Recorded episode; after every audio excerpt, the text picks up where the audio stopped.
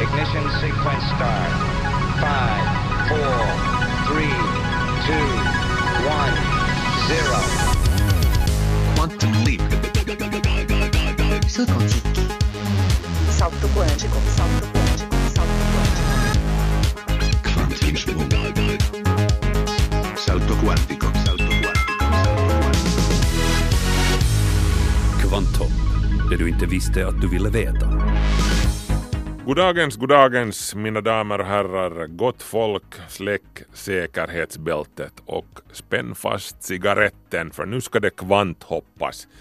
Markus Rosenlund, det är jag det. Så länge som jag minns hade sagts att fusionskraften ligger 30 år framåt i tiden. Jag minns att det snackades i de här banorna redan i slutet av 80-talet. Men fusionskraft, ja, vad, vad är det nu igen då?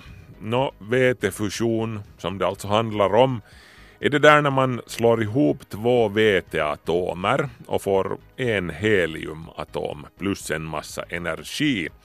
Det är samma process som pågår inuti självaste solen och i alla andra stjärnor också. Solen är med andra ord ett enormt fusionskraftverk i skyn, ett som har varit i funktion i mer än fyra och en halv miljarder år. Fusionskraft handlar om att upprepa den här processen här på jorden i liten skala.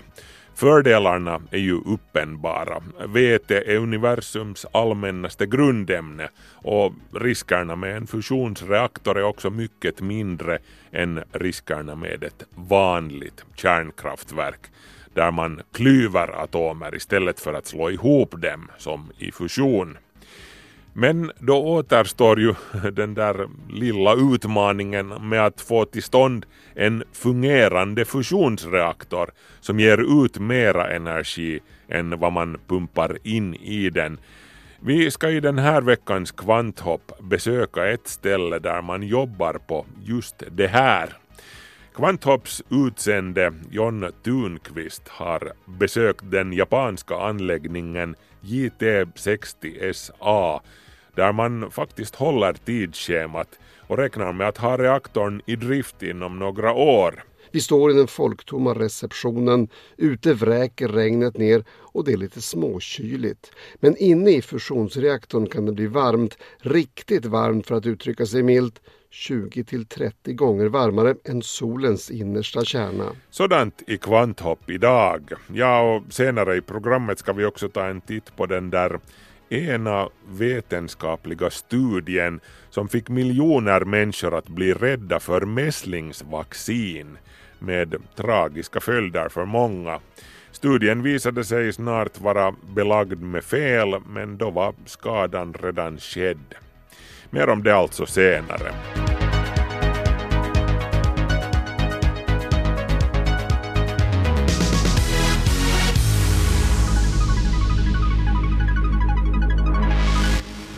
Härnäst blir det vetenskapsnotiser här i Kvanthopp.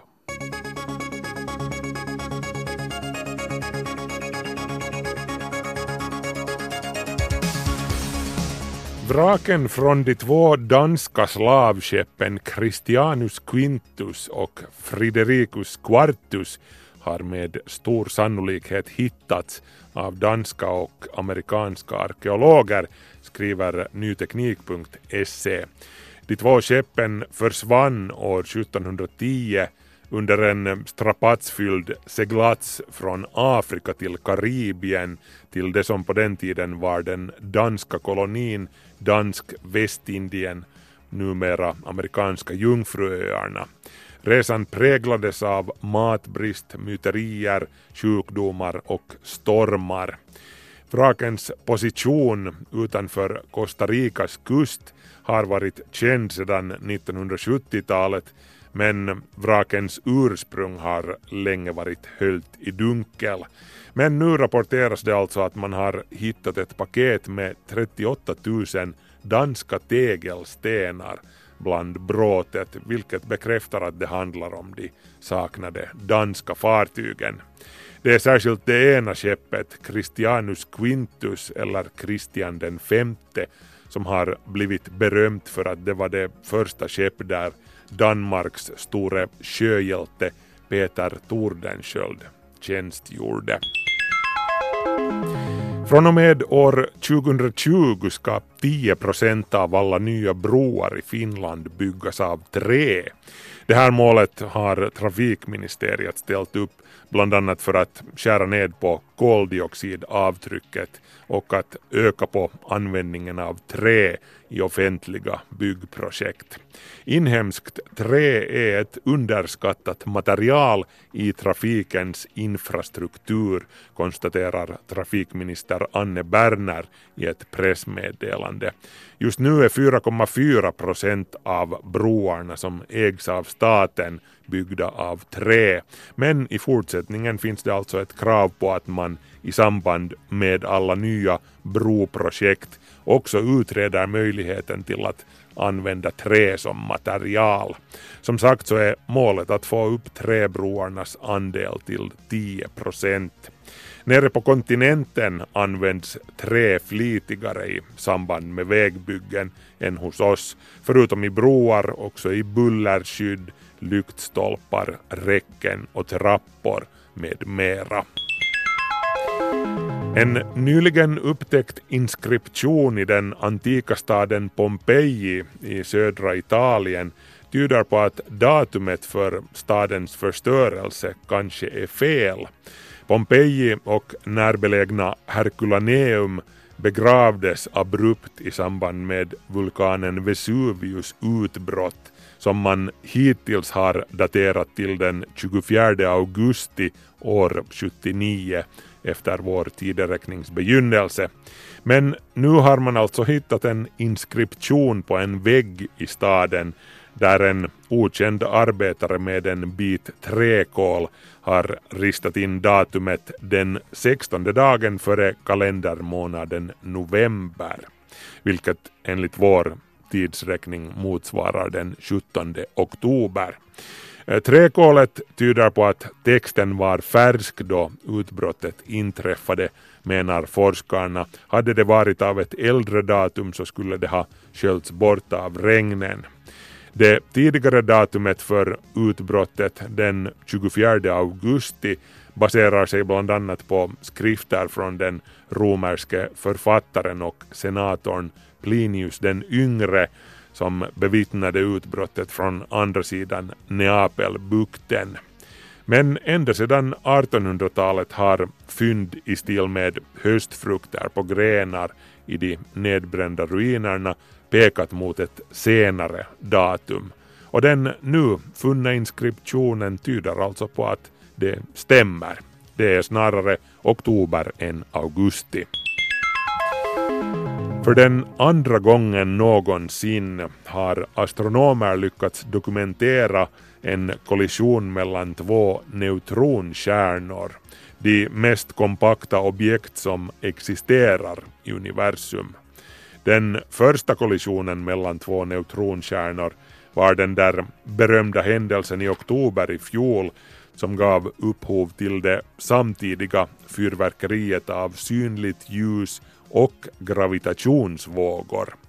Den här gången registrerades inga gravitationsvågor men astronomerna från universitetet i Maryland i USA dokumenterade däremot ett kortvarigt utbrott av gammastrålning och en klar blå ljusblixt, precis som i samband med den förra händelsen.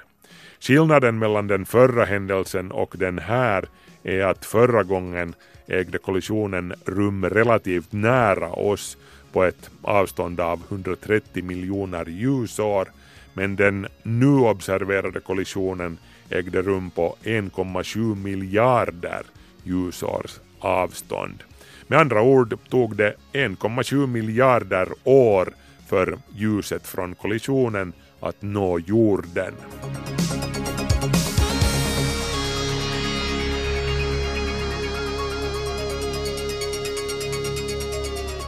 Pengar, innovation och kunnande har under senare tid strömmat in till uppstartsföretag som sysslar med blockkedjeteknik och flera finländare jobbar hos dem men främst utomlands då. De upplever att det inte är lockande att bilda sådana här blockkedjeföretag här i Finland eller att stanna kvar här. Samtidigt kan branschen bli mycket stor på global nivå i framtiden. Jag känner ju största delen av de som är här kvar i Finland, men det, det är inte många. Det säger Martin Wichman. Han jobbar i Helsingfors som partnerskapschef för blockkedjeföretaget Aave. Wichman hör till de få som jobbar för ett blockkedjeföretag i Finland. Hans arbetsgivare är ändå inte finländsk, utan schweizisk. Det största problemet att vara i Finland är det att för tillfället är det här status av blockchain eller cryptocurrencies mer och så. Eh, ingen vet vad det är. Samtidigt har marknaden för blockkedjor ökat mycket kraftigt i världen under de senaste åren. Blockkedjor och virtuella valutor anses av vissa höra till de mest disruptiva nya teknologierna i världen. Med disruptiv menas i det här sammanhanget en innovation som vänder upp och ner på spelplanen och skriver om reglerna. Oväntade lösningar som är enklare och billigare än de etablerade. Vissa betonar ändå att det är högst oklart hur stor betydelse de här teknologierna får inom den närmaste framtiden. Det kan ännu ta flera år för dem att utvecklas tillräckligt, att hitta sin form och att bli allmänt accepterade. Uppstartsföretagen inom branschen betonar ändå att blockkedjan är en grundläggande teknologi med massiv potential som vi i Finland måste satsa mer på redan idag om vi inte vill bli efter i utvecklingen. Med en blockkedja menas alltså en databas som är decentraliserad. Det finns kopior av den på många olika datorer och dess uppgifter kan inte ändras i efterhand. På en blockkedja kan man till exempel skicka över virtuella pengar, alltså kryptovalutor, bonuspoäng eller andra former av värde. Det finns många olika användningsområden. Företaget Aave ger lån i euro med virtuell valuta som säkerhet. Det här året har vi haft uh, lån i volym över uh, 20 000 eter, så vi pratar om ungefär 10 miljoner euro. Blockkedjebranschen är ändå tills vidare i en mycket tidig utvecklingsfas, lite så som webben var i mitten av 1990-talet. Men flera företag upplever alltså att beskattningen av kryptovalutor inte hänger med sin tid i Finland. Mikko Alasaarela, som är VD på blockkedjeföretaget Inbot i Tyskland, är en av kritikerna. Han har skrivit ett utlåtande till riksdagens framtidsutskott där han nämner vad han upplever att problemet är. Alasaarela påpekar bland annat att det inte uppstår öppna blockkedjor i Finland eftersom företag som utvecklar sådana kontinuerligt måste betala skatt för den vinst de får när de hjälper till med att upprätthålla blockkedjan. Till exempel när det gäller kryptovalutan bitcoin så kallas det här arbetet för att bryta bitcoin eller bitcoin mining på engelska. Man får bitcoin i belöning i utbyte mot att man låter sin dator utföra avancerade räkneoperationer som blockkedjan behöver för att tekniskt kunna fungera. Mä näen sen niin, että tämä lohkoketjut niin kuin luo tämmöisen uuden infrastruktuurin, kun tuli vaikka kännykkäinfrastruktuuri tai tuli aikoina internetinfrastruktuuri. Jag ser det som så att blockkedjan skapar en ny infrastruktur att jämföra med vår mobiltelefon eller internetinfrastruktur. Något man kunde kalla för ett värdeskapande internet eller Internet of Value, säger han. I Finland måste man alltså betala skatt till exempel när man upprätthåller en öppen blockkedja, men också när man växlar mellan en form av värde till en annan om man har gjort vinst. Dessutom finns det oklarheter kring reglerna för digital gräsrotsfinansiering av blockkedjeföretag. De aktuella företagarna efterlyser mer blockkedjevänlig beskattning, till exempel i stil med i Tyskland. Där anses virtuella valutor vara skattefria betalningsmedel och brytande av kryptovalutor anses vara skattefri allmännyttig verksamhet.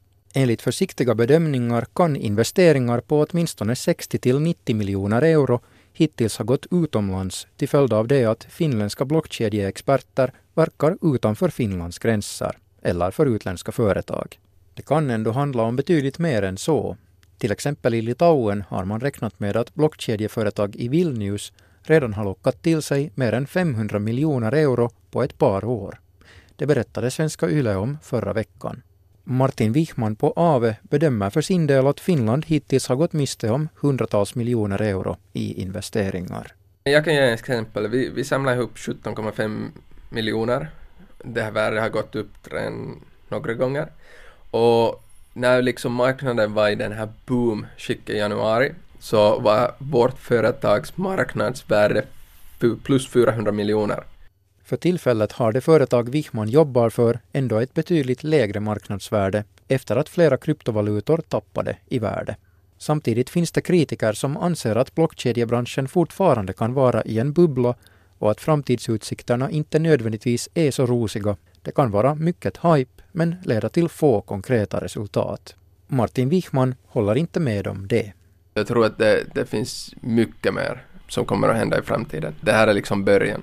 Reporter i det inslaget var Niklas Fagerström. Kvanthopp. Sikta mot stjärnorna. Ända sedan 1950-talet har ingenjörer och forskare fått någonting drömskt i blicken när de har talat om fusionskraft. En kraftkälla där man efterliknar solen och skapar energi genom att slå ihop atomkärnor istället för att klyva dem som man gör i dagens kärnkraftverk. I Frankrike är testfusionsreaktorn ITER under uppförande och ska enligt planerna stå klar i mitten av 2020-talet. Men ITER har drabbats av ideliga förseningar. Kvanthopps utsände John Thunqvist har besökt den japanska anläggningen JT60SA där man faktiskt håller tidsschemat och räknar med att ha reaktorn i drift om några år. Och man har redan hunnit med att slå en del världsrekord. This is Guinness Book. Wow. This is the world highest temperature, uh, 520 million degrees. That's It was recorded in uh, the last, uh, the previous device of JT60. That, the- that is very hot. Yeah, for fusion, only 200 or 300 million is needed. Uh, 500 is a little bit high, uh, but this is world, world record. Wow. Impressive. Yeah, and uh, 520 miljoner grader, ett nätt litet världsrekord. Yutaka Kamada, projektledare för bygget av den japanska fusionsreaktorn med det krångliga namnet JT60SA, visar med sedvanlig japansk blygsamhet upp diplomet från den världsberömda rekordboken. Vi står i den folktomma receptionen, ute vräker regnet ner och det är lite småkyligt. Men inne i fusionsreaktorn kan det bli varmt, riktigt varmt för att uttrycka sig milt, 20 till 30 gånger varmare än solens innersta kärna. De höga temperaturerna är en av förutsättningarna för fusion, alltså sammanslagning av atomer, till skillnad från fission som är den princip som gäller för dagens kärnkraft där man klyver atomer. Fusionen ställer helt andra krav, men kan man få den att fungera så har man sannolikt löst världens energiproblem en gång för alla och klimatproblemen också, liksom problemen med utbränt kärnbränsle som måste grävas ner och lagras i minst 100 000 år. En fusionsreaktor släpper inte ut koldioxid eller andra växthusgaser och restprodukten består till stor del av ädelgasen helium. Det bildas förvisso en hel del radioaktiva ämnen också men ändå betydligt mindre än vad som är fallet i dagens kärnreaktorer. thi- this uh, kind of uh, device is uh, type of device is named tokamak. It was born in Soviet Union in uh, 1950s, and after that, uh, this uh, system uh, distributed to the world. And Själva reaktortypen kallas för tokamak och utvecklades i dåvarande Sovjetunionen på 1950-talet berättar Yutaka Kamada och visar på den modell vi står framför. Inuti en kammare som är formad som en flottyrmunk beskjuts bränslet med mikrovågor tills det uppnår de extremt höga temperaturer som krävs för att själva fusionen eller sammanslagningen ska sätta igång. Den extrema hettan i fusionen gör att bränslet övergår i plasmaform. Plasman i sin tur hålls på plats av supraledande magneter som vi ska berätta mer om senare.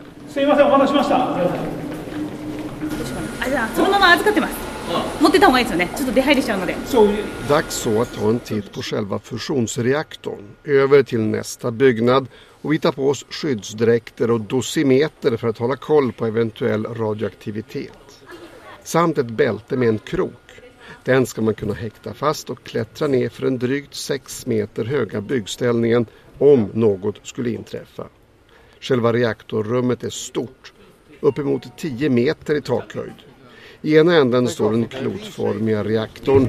Överallt jobbas det. Någon svetsar, någon polerar, någon mäter och beräknar. Ett gäng overallklädda herrar står böjda över en ritning. This uh, height is uh, 6.6 meters. So the big uh, vacuum vessel. Platschefen Akira Sakasai visar mig runt. Vi står högt upp på ställningarna som löper på utsidan av den 6,6 meter höga tokamackan. På grund av de extrema förhållanden som råder i en fusionsreaktor krävs en noggrannhet långt utöver det vanliga. Toleransen mäts i tiondelar av millimeter. Mer än så får svetsfogarna inte fela. Men än så länge löper arbetet enligt tidsplan On schedule, säger Sakasai och skrattar. Bränslet i den japanska tokamaken utgörs av små pellets av väteisotopen deuterium, också känt som tungt väte. Något som finns i överflöd i våra världshav och teoretiskt kommer att räcka i miljontals år enligt forskarna. Alltså långt efter det att oljekällorna sinat och den sista naturgasen brunnit upp. Vi klättrar vidare i byggnadsställningen. Fördelen med att vara på plats i det här skedet är ju att man faktiskt kan komma in i den ringformade vakuumkammaren. Det är här inne som den extremt varma fusionsplasman kommer att befinna sig och hållas på plats med hjälp av supraledande magneter. I fusionskretsar talar man om att uppnå plasma. Det vill säga det stadium då atomkärnorna börjar slås ihop med varandra till skillnad från den så kallade fissionskraft som ju används i dagens kärnreaktorer då det handlar om att få fram energi genom att klyva atomer. Men fusionskraften är långt mer komplicerad att tämja än fissionskraften. Potentialen är också långt mycket större. Eller vad sägs om att trygga energibehovet i miljontals år framåt med vanligt havsvatten som bränsle? Arigatou gozaimashita. とっても面白かった。Vi lämnar själva reaktorhallen för en stund och beger oss iväg mot en verkstad där delar till reaktorbygget monteras och färdigställs. I korridoren stöter vi upp med en fransk ingenjör som är här för att installera testreaktorns kylsystem. Den här reaktorn är för forskningsändamål men jag tycker att vi börjar närma oss lösningen på fusionskraftens svårigheter och jag tror definitivt att detta är framtidens energikälla, säger ingenjören Frédéric Michel som är utsänd av den franska atomenergikommissionen. So several countries in Europe co- collaborate to, pro- to produce and install GT60 super advanced tokamak. What is important, as he said, Hela projektet är ett samarbete som sträcker sig långt utanför nationsgränserna. Precis som i den testreaktor som är under uppförande i franska Cadarache så har de inblandade bestämt sig för att två huvuden tänker bättre än ett. Tanken är att inget land eller företag ska ha monopol på fusionskraft den dag en kommersiell utbyggnad blir verklighet. I decided to do fusion research when I was a high school student. Okay. And what, what made you decide that? How did you find out?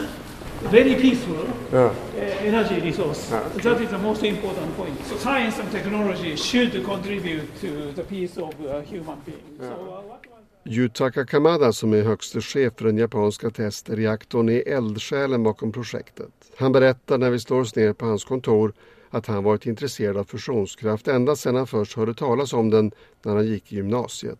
Det som lockade mest var att fusionskraft till skillnad från olja och gas verkade vara en ganska fredlig energi.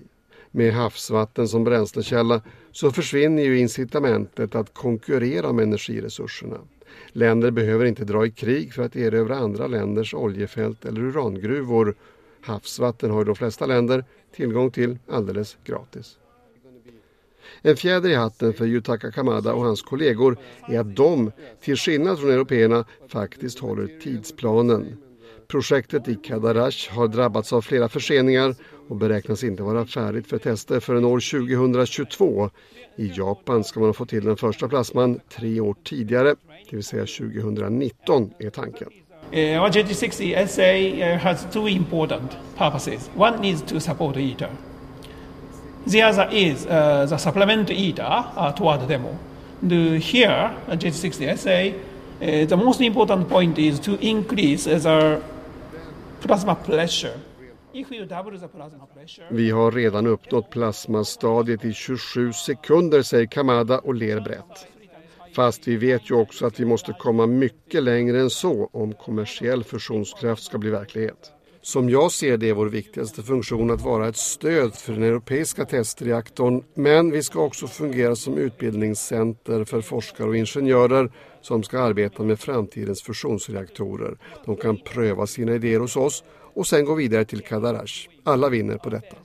Fusionskraft har helt klart potentialen att bli det som med en engelsk term brukar kallas för en game changer. Alltså en produkt, en tjänst eller en lösning som ritar om själva spelplanen. Och som forskarna sa redan på 1950-talet, den är bara 30 år bort. Det var John Thunqvist som hade besökt den japanska fusionsreaktorn JT60SA. Kvanthopp. Det du inte visste att du ville veta. I år har omkring 70 människor dött av mässlingen i Europa. De flesta av de här var småbarn. Mer än 50 000 har insjuknat. Särskilt stor spridning har mässlingen fått där som vaccinmotståndet är som mest utbrett.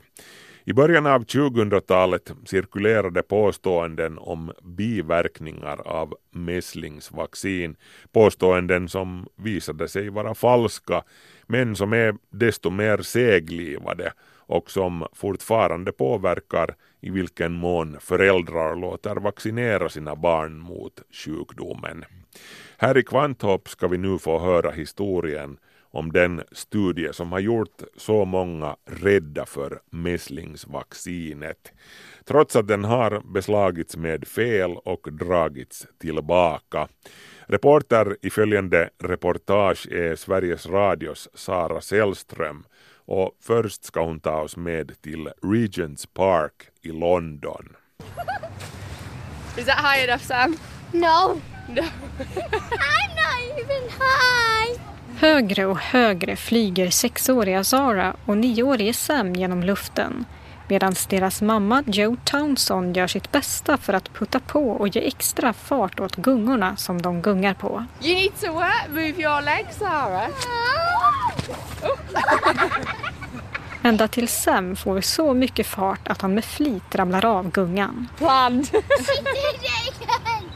De har gjort som så många andra familjer brukar göra när den tidiga vårsolen börjat skina och skyndat sig till närmaste lekplats för att få lite frisk luft. Men mitt i all bekymmerslös lek passar jag ändå på att fråga om ett allvarligt ämne. Vad tänker Joe Townsend som förälder om de mässlingsutbrott som det har rapporterats om från bland annat USA och Tyskland? Och har hon själv vaccinerat sina barn? Yes, they were vaccinated about 18 months and they had a preschool booster. Och ja, visst är barnen vaccinerade, svarar hon.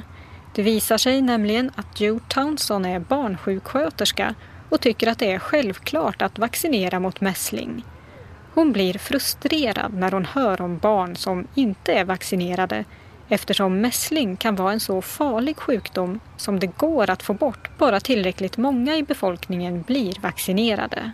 Measles is such a preventable disease that I think I don't see why people make such a fuss about having their children vaccinated.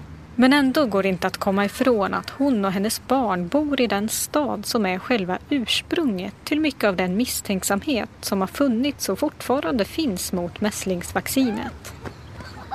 Det var här i London som läkaren Andrew Wakefield jobbade med en forskningsstudie som enligt honom visade att det kombinerade vaccinet mot mässling, påssjuka och röda hund kunde orsaka en mycket svår form av autism hos barn. Studien publicerades i medicintidskriften The Lancet 1998 och fick massor av uppmärksamhet. Och trots att den bara några år senare avslöjades som helt felaktig så verkar den ha gjort tydliga avtryck i mångas medvetande. Joe Townsend tycker att det visar vilken skada studien har gjort eftersom det alltid kommer frågor från oroliga föräldrar om sambandet mellan autism och mässlingsvaccin. I'd say pretty much always, because although it was um, a piece of information that was written quite a long time ago now, people still have it at the back of their minds. And even though there's been no link, it shows how much damage has been done. Eftersom mässling är så smittsamt krävs det att mer än 95 procent av befolkningen är immun. Antingen genom vaccinering eller genom att man själv har haft sjukdomen för att smittan inte ska kunna sprida sig. Men under de år i England när riskerna med mässlingsvaccinet diskuterades som mest så sjönk vaccinationssiffrorna. Det bidrog till att mässlingen lättare kunde få fäste i landet och England har också haft en del problem med mässlingsutbrott sedan dess. Inte förrän 2004 när Wakefield-artikeln avslöjades som ett allvarligt fall av forskningsfusk så vände vaccinationssiffrorna uppåt igen. Och den person som kanske minns extra tydligt vad som hände under de där åren är journalisten Brian Deer. För det var han som avslöjade att den uppmärksammade forskningsstudien om autism och mässlingsvaccin i själva verket inte stämde. So we're going where that little sign is on the pavement there. Jag träffar Brian Deer på Houston Road. Här i närheten ligger såväl sjukhus som universitet, en viktig medicinsk forskningsfinansiär och så biblioteket The British Library som kunde hämta in allt möjligt bakgrundsmaterial åt en undersökande journalist. Det är alltså inte så konstigt att Brian Deer känner till området väl och har tillbringat åtskilliga timmar med att arbeta här i samband med avslöjandet kring autismartikeln. And across there, that's this huge medical charity. And then the General Medical Council, which struck Wakefield off the register, is further on down that way.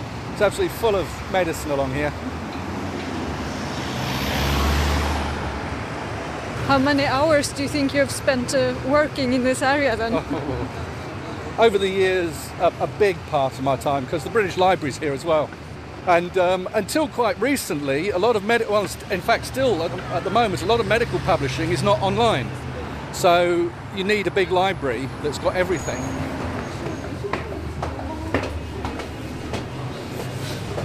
Vi hittar ett lite lugnare hörn på bakgården till ett café längre ner på gatan. Och här berättar Brian Deer hur det kom sig att han överhuvudtaget blev inblandad i den här historien. Vi spolar tillbaka tiden till början av 2000-talet när en av redaktörerna för tidningen The Sunday Times ville att Brian skulle skriva en fördjupning om något aktuellt ämne. Valet föll på debatten om ifall mässlingsvaccinet var farligt och borde dras in för att det misstänktes kunna orsaka autism. När Brian upptäckte att ett tv-program om Andrew Wakefield och hans forskning skulle sändas i brittiska BBC och att det tv-programmet hade finansierats av vaccinmotståndare i USA blev han nyfiken och började undersöka mer. I was simply asked to find a story about any sort of current topical subject, and one of the subjects was um, MMR, and it was said to me, well, that's one possibility for a for a big feature page story because that's what the editor was doing. So I started looking, and I found that there was a television broadcast intended to be shown on British television, which was about the MMR vaccine and about uh, this man Andrew Wakefield. And I discovered that it was funded by vaccine campaigners in the United States. Now, at that time, this was back in early 2004, more than a decade ago now, I, I didn't realise the scope of what was wrong with this research. Till en början förstod han inte hur mycket som var fel med den forskningsartikel som hade publicerats i The Lancet och spridit rädsla för mässlingsvaccinet, som alltså tas i en spruta tillsammans med påssjuka och röda hundvaccin och kallas för MPR-vaccin på svenska, eller MMR på engelska. Men snart skulle han hitta flera saker som inte stämde. Brian Deer berättar att läkaren Andrew Wakefield egentligen jobbade och forskade med mag och tarmsjukdomar i London vid den här tiden. Och han hade redan då haft lite funderingar på att mässling på något sätt kunde ha någon koppling till tarmsjukdomen Crohns sjukdom men inte lyckats bevisa någonting. Samtidigt, i början av 90-talet, fanns det redan lite misstänksamhet mot MPR-vaccinet mot mässling eftersom ett par märken precis hade dragits tillbaka på grund av vissa biverkningar. Det som hände då var att en massa advokater gärna ville tjäna pengar på att stämma läkemedelsbolagen som stod bakom vaccinet. Men de hade inga riktiga medicinska bevis att gå på för att vaccinet i sig var farligt. Och då var det framförallt en advokat som tog kontakt med Andrew Wakefield och såg till att han fick ett forskningsprojekt finansierat för att undersöka om MPR-vaccinet kunde ha några stora okända biverkningar. Brian Deer plockar fram ett av många dokument om det här som han har sparat på sin dator. Just det här är en ansökan om finansiering för Wakefields forskningsprojekt. Oh, that it? Let's see. So this is the this is the crucial part of this uh, letter. In contrast with the inflammatory bowel disease cases, he says children with enteritis disintegrative disorder, that's uh, bowel and brain problems, right, form part of a new syndrome. And he says, nonetheless, the evidence is undeniably in favour of a specific vaccine induced pathology. So, what Wakefield is doing there, he's claiming his knowledge of a new syndrome, and that's in June 1996, before any of the children had even been investigated. Enligt ansökningsbrevet skulle det finnas ett nytt syndrom med både magbesvär och problem med olika hjärnfunktioner som skulle kunna vara orsakat av mässlingsvaccinet och som det behövdes pengar för att forska på. Men problemet som Brian upptäckte var att brevet skickades redan i juni 1996. Det vill säga innan Wakefield ens hade gjort några undersökningar med de barn som ingick i studien. Och Brian ställer den retoriska frågan hur han kunde veta det här innan han hade inlett sin forskningsstudie. So, I asked the question how could Wakefield have known about this new syndrome that he's talking about before he did the research? Brian intervjuade också en mamma med ett svårt autistiskt barn som hade ingått i studien. Och hon berättade att barnet hade utvecklat autism mycket senare efter mässlingsvaccineringen än vad som hade sagts i forskningsstudien. Och frågan är hur en mamma skulle kunna glömma bort eller vara osäker på exakt när hennes barn började utveckla en så allvarlig autism. That really got my interest because how can it be that a mother who says that her child who was severely, unquestionably severely autistic, had serious uh, neurological issues, didn't speak, wasn't able to look after himself, very tragically um, disabled, how could she forget or change her mind about when that began? It's not possible. Det här är bara ett par saker som tillsammans gjorde att Andrew Wakefields forskningsartikel i The Lancet 1998 avslöjades som påhittad. Senare drogs den också tillbaka av tidskriften och Andrew Wakefield har förlorat sin brittiska läkarlegitimation. Själv har han förnekat att han skulle ha gjort sig skyldig till någon form av forskningsfusk och därför har han inte heller förklarat varför det blev som det blev. Då ska det Europeiska smittskyddsinstitutet ligga någonstans här. ECDC, huvudentré. Ja. Mike Catchpole jobbade då på motsvarigheten till Folkhälsomyndigheten, Public Health England. Numera är han forskningschef på det Europeiska smittskyddsinstitutet som ligger i Solna här i Sverige. Och när jag träffar honom där så berättar han att det var en svår tid för alla hälsoarbetare som försökte få människor att vaccinera sig när det här fick som mest uppmärksamhet i slutet av 1990-talet.